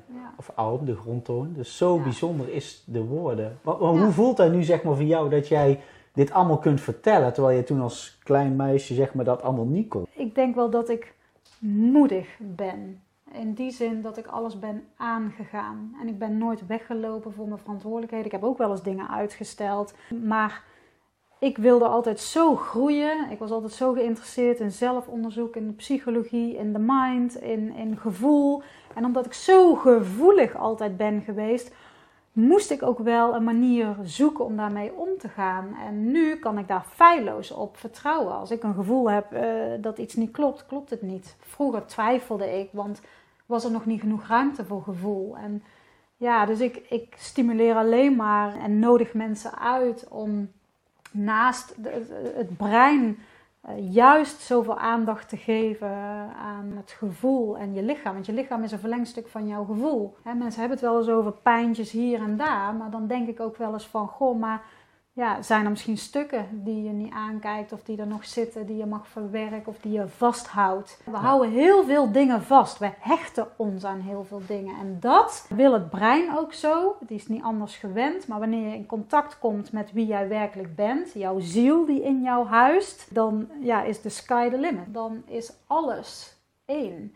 En dan kan ik soms zo'n diep gevoel van eenheidsgevoel voelen dat ik gewoon emotioneel wordt en dan, ja, eh, dat is eigenlijk zo mooi. Het heeft me gewoon heel ver uh, gebracht. Ik ben ook blij dat ik het uh, ja, qua communicatie en ook sociaal-emotioneel uh, me daarin zo heb ontwikkeld. Kijk, natuurlijk zijn er altijd nog wel stukjes die jou raken, want we zijn niet voor niks mensen. Mm. Dat zal tot het einde blijven, maar ik vind wel dat ik al een heel eind emotioneel volwassen ben. En dat gun ik echt iedereen. En dan, dat maakt dat zal de planeet echt heel veel mooier maken. Als je het mij vraagt, uh, overwint uh, liefde alles. Uiteindelijk is het brein ook wel heel bijzonder, omdat uh, in het brein kun je ook delen activeren wanneer jij verbonden bent met jouw gevoel voor nog meer telepathie. Ik vertelde over mijn ervaring op 17 mei om 11.55 uur. Toen besefte ik nog niet het belang van de codes van 17.5, 11, 55. En de laatste lessen van José Arguelles ehm, was onder andere die kubus van 21 bij 21. En dan kom je uit op 441, de code die ik net benoemde. En een, een, een, een vriend van mij, die heeft eigenlijk pas in 2000, volgens mij was het 21, dus nog niet zo lang geleden, die heeft de code gekraakt. Hij zei, Tessa, dit is ons brein. Die heeft negen dimensies. Het zijn eigenlijk negen vakjes. Maar dit is ons brein met linker en rechter hersenhelft. Oh, dus ene is linker hersenhelft, de andere is rechter Ja, en in het midden komt alles samen. Ja, daar is de eenheid. Pijnappelklier of zo, is dat misschien? Ja, ook het middenstuk ja, van, uh, van ons brein in verbinding met, uh, met het hart. En wat bleek nou? 17, 17, 5 blijkt het goddelijke vrouwelijke energie te zijn. Oh ja. En 11, 5 en 50 dan is het goddelijk mannelijk. Dus op 17,5 om 11 uur 55 kwamen bij mij de goddelijke vrouwelijke en mannelijke energie samen in mijn hart en werd ik één. En Stephanie South en ik hebben hier ook over gesproken, omdat dit, ik laat dit nu zien, maar dit is niet van mij. Hè? Dit is ontworpen door José en Stephanie. Uh, dus ik ben hen daar heel erg dankbaar voor. Maar waar we dus eigenlijk achter komen is, het is een levende matrix. Oftewel, het was de bedoeling dat ik op dat moment, op dat tijdstip, die energieoverdracht kreeg. En weer ja, een soort van thuis kwam bij mezelf. Wat, wat ik hier heel sterk bij voel, is als mensen dus veel meer op de natuurlijke tijd gaan floreren. Ja. dit is een hele bijzondere ontmoeting, maar dan kom je zeg maar steeds meer ontmoetingen tegen om jezelf steeds verder te activeren. Ja. Om steeds meer de, de matrix te doorzien. Ja, en daarvan los te komen. Helemaal in contact met wie jij zelf bent, met het wezen dat jij bent. Ja, ik denk dat ik hier in de toekomst ook nog wel mee zal willen gaan werken, want het heeft negen dimensies. Ik heb ze ook tijdens de Darkness Retreat heb ik ze geklopt van, uh, oké, hier zit uh, bijvoorbeeld uh, kosmische creatie, hier zit onderbewustzijn, bewustzijn. En dan heb ik het allemaal geprobeerd te activeren. Het is voor mij altijd even belangrijk geweest, dus zeg maar het, het, het brein, waar nog dit noemen ze wel eens de sixth sense. Uh, José omschrijft het en Stephanie als, de hol ja, als hollow minds perceiver. Maar dit is eigenlijk niet, niet de technische chip waar ze ons allemaal naartoe willen hebben. Maar dit is de natuurlijke chip. Dit is iets wat in ons in aanleg aanwezig is. Net als die DNA-strengen die wij kunnen activeren hè, naar meer en naar ja, zo'n kristallen uh, wezen uh, te groeien. Maar ook dit is in ons systeem aanwezig. Ook informatie uit de toekomst, hier gekomen voor het nu, om te bij te dragen aan een versneld proces aan bewustwording.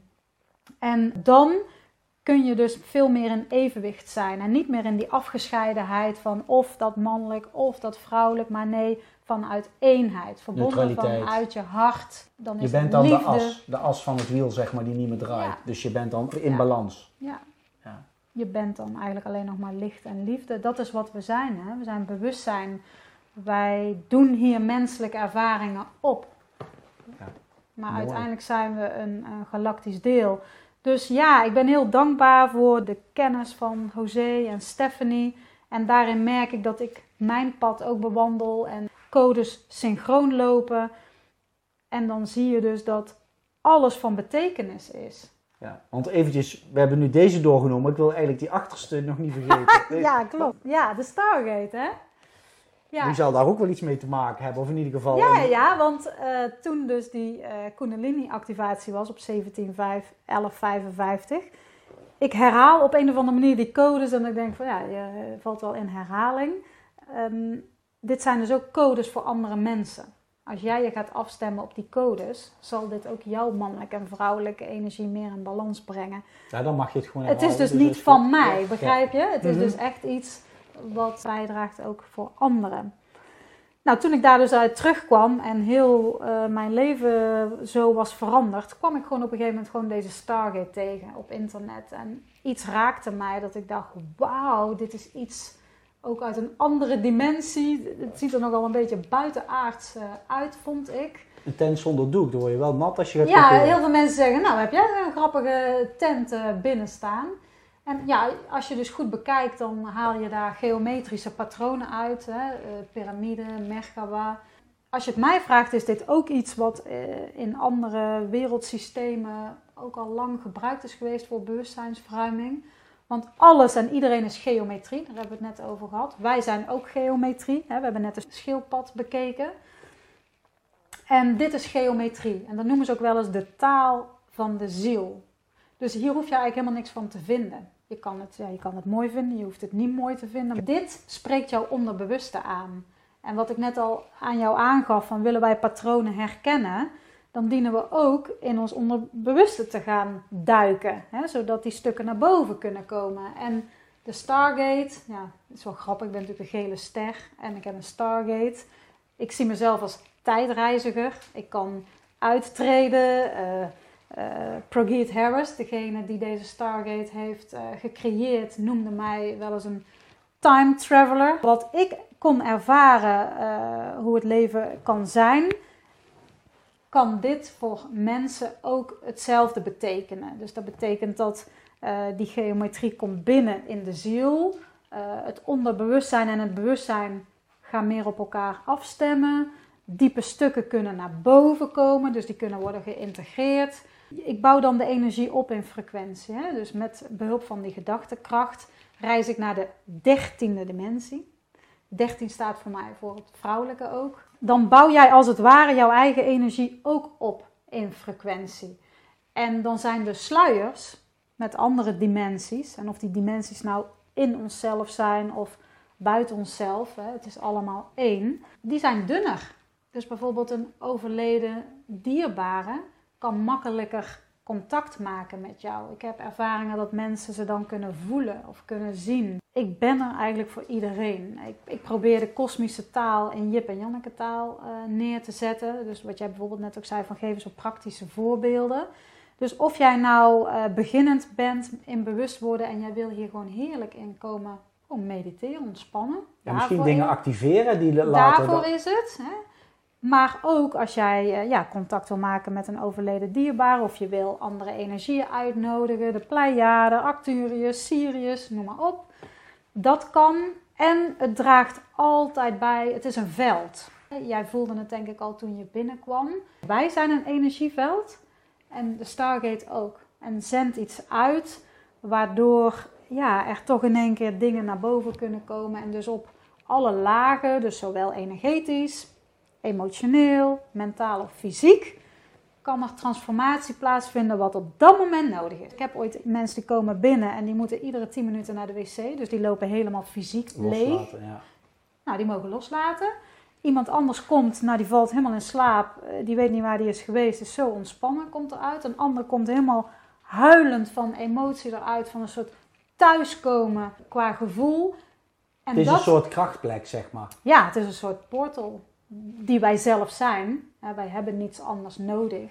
Maar ja, dit is wel een soort... Een soort versterker. Een versterker. En ja, je kunt er ook energetisch mee werken. Misschien hebben de kijkers al ja, iets ervaren door alleen al dit als achtergrond steeds te hebben gezien.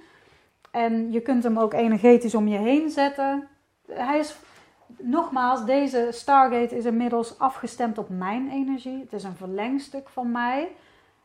Echter, is het niet van mij. De bedoeling is dat ook dit een tool is voor andere mensen om verder te groeien. Dus alsjeblieft, gebruik de energie. Zet hem ook etherisch om je heen. Visualiseer het. Dan hoef je echt niet alle buisjes te kennen, maar gewoon van hé, hey, ik zet nu die Stargate om mij heen. En ja, dan kan het al zijn werk uh, doen. Dus ja, die intenties die je uitzendt, die zijn zo krachtig. Wij zijn goddelijke wezens. Wij kunnen dingen zelf creëren. Wij kunnen direct uh, manifesteren. Ja, ik heb dat bij Erik ben ik geweest, wat ik tegen jou zei. En met zo'n wiggelroede lopen. En ja, dat is echt, dat is echt. Maar de, de, de doet het niet. Je doet het zelf. En als je dat doorkrijgt, en, je, en dat is met zo'n... Uh, zo'n Stargate ook, zeg maar. En toen ik binnenkwam, voelde ik de energie gewoon daar was ik heel blij mee, want we, hadden vanmorgen een gesprek. Ja. Uh, en dat was heel mooi dat gesprek, maar er was wel heel veel informatie. Dus ik was echt helemaal volgelopen. Ik denk, oh, dus... Ja. Maar ik kreeg ook door, Leon, doe maar rustig aan, dat komt wel goed. Ja. En dan kom ik hier binnen en dan voel ik in één keer die energie en dan voel ik in één keer die ontlading. Vandaar dat ik mijn schoen ook uitdoe. En ik, ja, ik ben gewoon heel open, ik vertel wat er in me omgaat. Want dan kunnen andere mensen ook, oh ja, ja. Dus door op die natuurlijke ritme te vertrouwen, dus door gewoon te zeggen van oké, dan je wordt geholpen. Dus, eh, en anders blijf je in je hoofd zitten en dan zet je je vast. ja, dan gaat het over dat wij denken dat wij controle hebben over ons leven. En uh, helaas, of helaas, ik ben blij dat dat niet zo is. Wanneer je dus inderdaad, nogmaals om terug te komen op de Maya, de natuurlijke tijd, de boodschap is, uh, stem je af meer op sowieso de natuur, op de natuurlijke tijd. Zo, dat wij verbonden zijn en één zijn met het universum, zodat je synchroniciteit gaat ervaren en dat jij weet voor mij zijn dat altijd, ik krijg dan een gruwelijke glimlach op mijn gezicht van hé, hey, ik zit op de goede weg. En dan maak je de meest magische dingen mee. Dingen dat, dat wat je echt van tevoren denkt van hoe kan het? Wat ja, daar gaat, niemand, daar gaat niemand geloven. Nee, en, en het mooie is ook met die Stargate, omdat ik uh, toen ik hem voor het eerst zag en erin mediteerde, voelde ik me ook helemaal thuiskomen. Want ik kon veel makkelijker ook nog reizen. En het grappige is dat het uh, ook mijn intuïtie wel uh, nog verder heeft aangewakkerd en ontwikkeld. Dat zeker. En, en, en een leuk voorbeeld um, is ook dat ik een, een keer een, een, een, droom heb gehad over een uh, UFO. Dat hij over het huis vloog en in het weiland landde. En ik zag daar de buurman met dat wezen praten. En ik dacht van, nou, krijgen we nu. Maar elke keer had ik een gevoel van, ik moet dat wel vertellen tegen de buurman. Maar ik denk, ja, die ziet mij al aankomen. En ik heb over hem gedroomd. En dat hij met uh, van die aliens staat te praten. Ik denk, nou, busje komt zo. Toch gedaan. En hij ja, ontving het zo met zoveel respect en zei, nou, zou best kunnen. Hij zegt, maar dan denk ik aan vrije energie. Nou, toen bleek dat hij een originele Nikola Tesla staaf uh, op zolder had liggen al heel lang. En die heeft hij toen naar uh, beneden gehaald. En pas, ik denk vorig jaar, besefte ik dat dat wezen, dat was ik eigenlijk zelf. Dat was mijn multidimensionale, mijn galactische deel, die met zijn deel sprak van hé, hey, uh, misschien is het toch de bedoeling dat je dit en dit doet. En ja, dan merk ik ook dat je eigenlijk helemaal niks hoeft te doen, maar alleen maar te zijn. En dat jouw energie eh, als vanzelf andere mensen kan aanraken en weer verder bewegen als een soort rimpeleffect. Vroeger dacht ik altijd, ik moet dit doen voor iemand en dat en zus en zo. En nu kan ik veel meer vanuit zijn dingen toelaten, binnen laten komen, aanraken en het weer zelf uh, ja, door laten ontwikkelen. Ja, mooi. Ja, we hebben, we, je hebt heel veel verteld. Ja, Net als de Maya's, gewoon de, de, de tien vingers en de tien tenen, dat zijn de twintig zegels. Daarmee kunnen we creëren. We hebben echte magie in de vingers, hè? ook Klopt. de genees, geneeskrachtige gaven, zeg maar. Dus, uh, zijn we iets vergeten, Tessa? Of, nou, volgens mij hebben we al veel verteld, hè? ja, je hebt heel veel, heel veel moois verteld. Dus, maar ik wil jou wel een, uh, een omhelzing geven. Als je oplet voor het kastje, oh, zeg ja, dat maar, klopt. Dan, uh, moet ik meenemen. En, ja. ja. en jou heel erg bedanken voor jouw mooie verhaal. Want ik, ik weet dat jij dat eigenlijk normaal nooit vertelt of zo van de daken schreeuwt. En ik vind het heel moedig dat je de moeite hebt genomen dat, ja, de, ja, om, uh, om dit toch te doen. Dus, nou ja, mede dankzij jullie. En, dus ja, ik wil jullie ook heel erg bedanken, jou en, en je vader, uh, voor deze hele mooie ontmoeting, zeg al maar. Ontstreepje ja. moeting. En ja, het, het, heeft mij ook wel meer uh, laten inzien dat ja, bescheidenheid is gewoon mooi. En, en dat blijft een, uh, een, een mooie karakterstuk van mij. En daarnaast is het misschien ook wel fijn wat jij zegt, dat je dingen kan delen, zodat ook anderen daarvan ja, ja je mag, je mag, je mag het kunnen uh, ontwikkelen. Ik wil jullie heel hartelijk danken voor het kijken naar dit schitterende verhaal. Deel dit verhaal met anderen. Waardeer je wat wij doen. Meld je aan als vrienden van zelfwerkzaamheid, want we willen ook de mensen de gelegenheid geven om bij nieuwe interviews eventueel vragen te stellen die vooraf worden doorgestuurd, zeg maar. Om het zo nog meer interactiever te maken, net als met bijvoorbeeld de lezingen. Want we doen het samen. Want ook jullie, de kijkers, vinden we heel belangrijk dat we in ieder geval jullie de informatie vanuit ons hart kunnen geven. Vanuit het mooie Haren, wat, de tuin van Brabant. Wordt gezien als de tuin van Brabant. De tuin van Brabant zeggen wij houdoe, bedankt, veel bye bye.